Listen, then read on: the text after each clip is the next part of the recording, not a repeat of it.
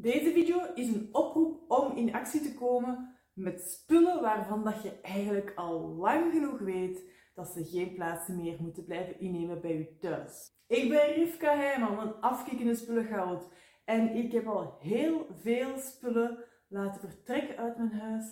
Ook spullen waarvan ik dacht van ja, maar dit of dat kan er nog mee gebeuren. Of ik kan er nog geld voor krijgen. Of ik moet het bijhouden voor het geval dat. En achteraf, als ik toch de moed had om het te laten gaan, dat ik zoveel meer terugkreeg dan een mogelijk aantal, ja, een bedrag euro's of iemand uit de nood kunnen helpen, omdat ik toch iets had jarenlang bijgehouden voor een potentiële situatie, voor een potentieel iemand. Dus ik heb er veel meer voor teruggekregen, namelijk ruimte, meer overzicht, meer ontspanning, mij beter voelen bij mij thuis.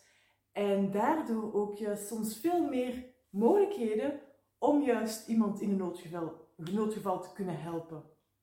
Dus vandaag een voorbeeld van hoe dat je best wel ook wat spullen in huis hebt waarvan dat je al weet dat die geen plaats moeten blijven innemen.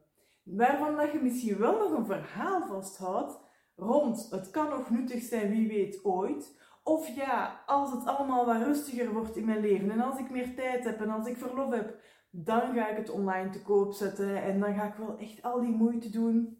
Ik spreek niet tegen de uitzonderingen die dat echt doen, want ik weet dat die er ook zijn. Maar in heel veel gevallen gaat jij tijdens je verlof, gaat jij volgend jaar, gaat jij alles wat je in je hoofd eigenlijk hebt als reden waarom dat nog niet is gebeurd, gaat het er niet van komen.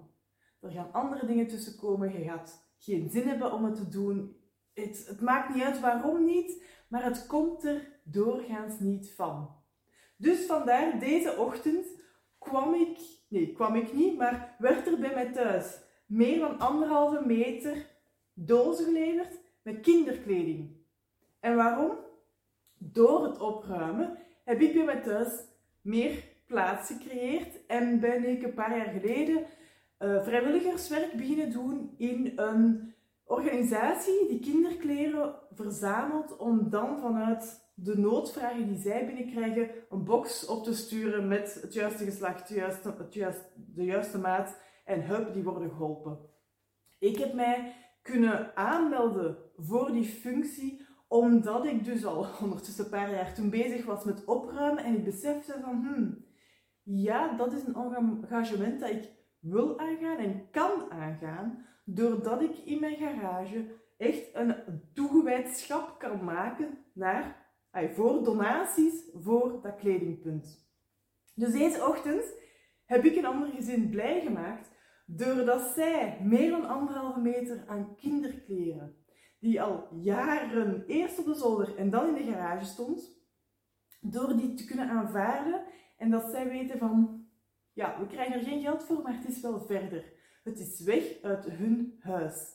En de man vertelde mij ook van ja, eerst in de beginjaren ja, hebben we er een aantal keren ook nog mee op markten gestaan om het zo te proberen verkopen. En het lukt wel hier en daar eens iets. Maar ja, als ik kijk naar hoeveel dat ze vanochtend hebben afgeleverd, is er ook een heel pak niet verkocht geraakt. Hebben zij het jaren moeten managen in hun huis, in hun hoofd ook, van ja, dat staat nog ergens, ja, daar moeten we iets mee doen. We willen het niet meer, we kunnen het ook niet meer gebruiken, de kinderen zijn eruit gegroeid en toch blijft het in hun huis een stille to-do die aan hen bleef trekken.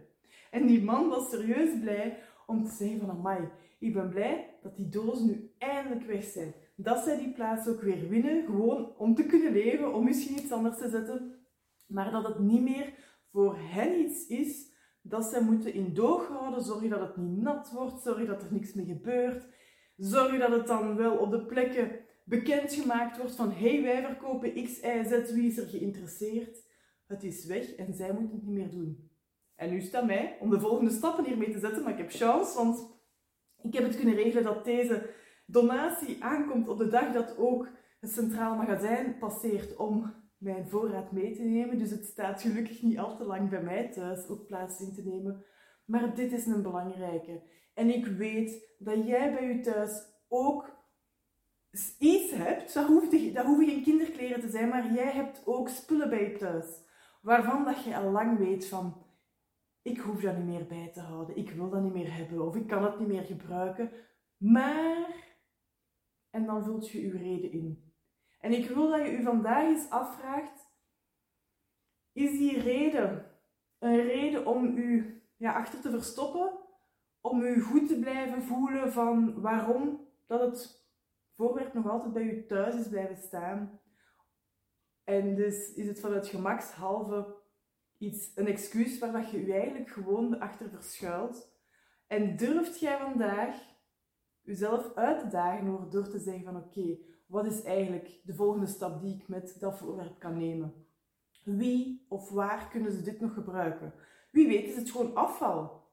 En is het uzelf toestemming geven van ja, ik draag bij aan de afvalberg.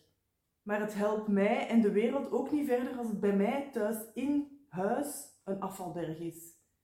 Dus ik daag u uit. Ik weet dat het soms echt niet makkelijk is, maar ik vraag u dus ook niet om met de meest moeilijke spullen te beginnen.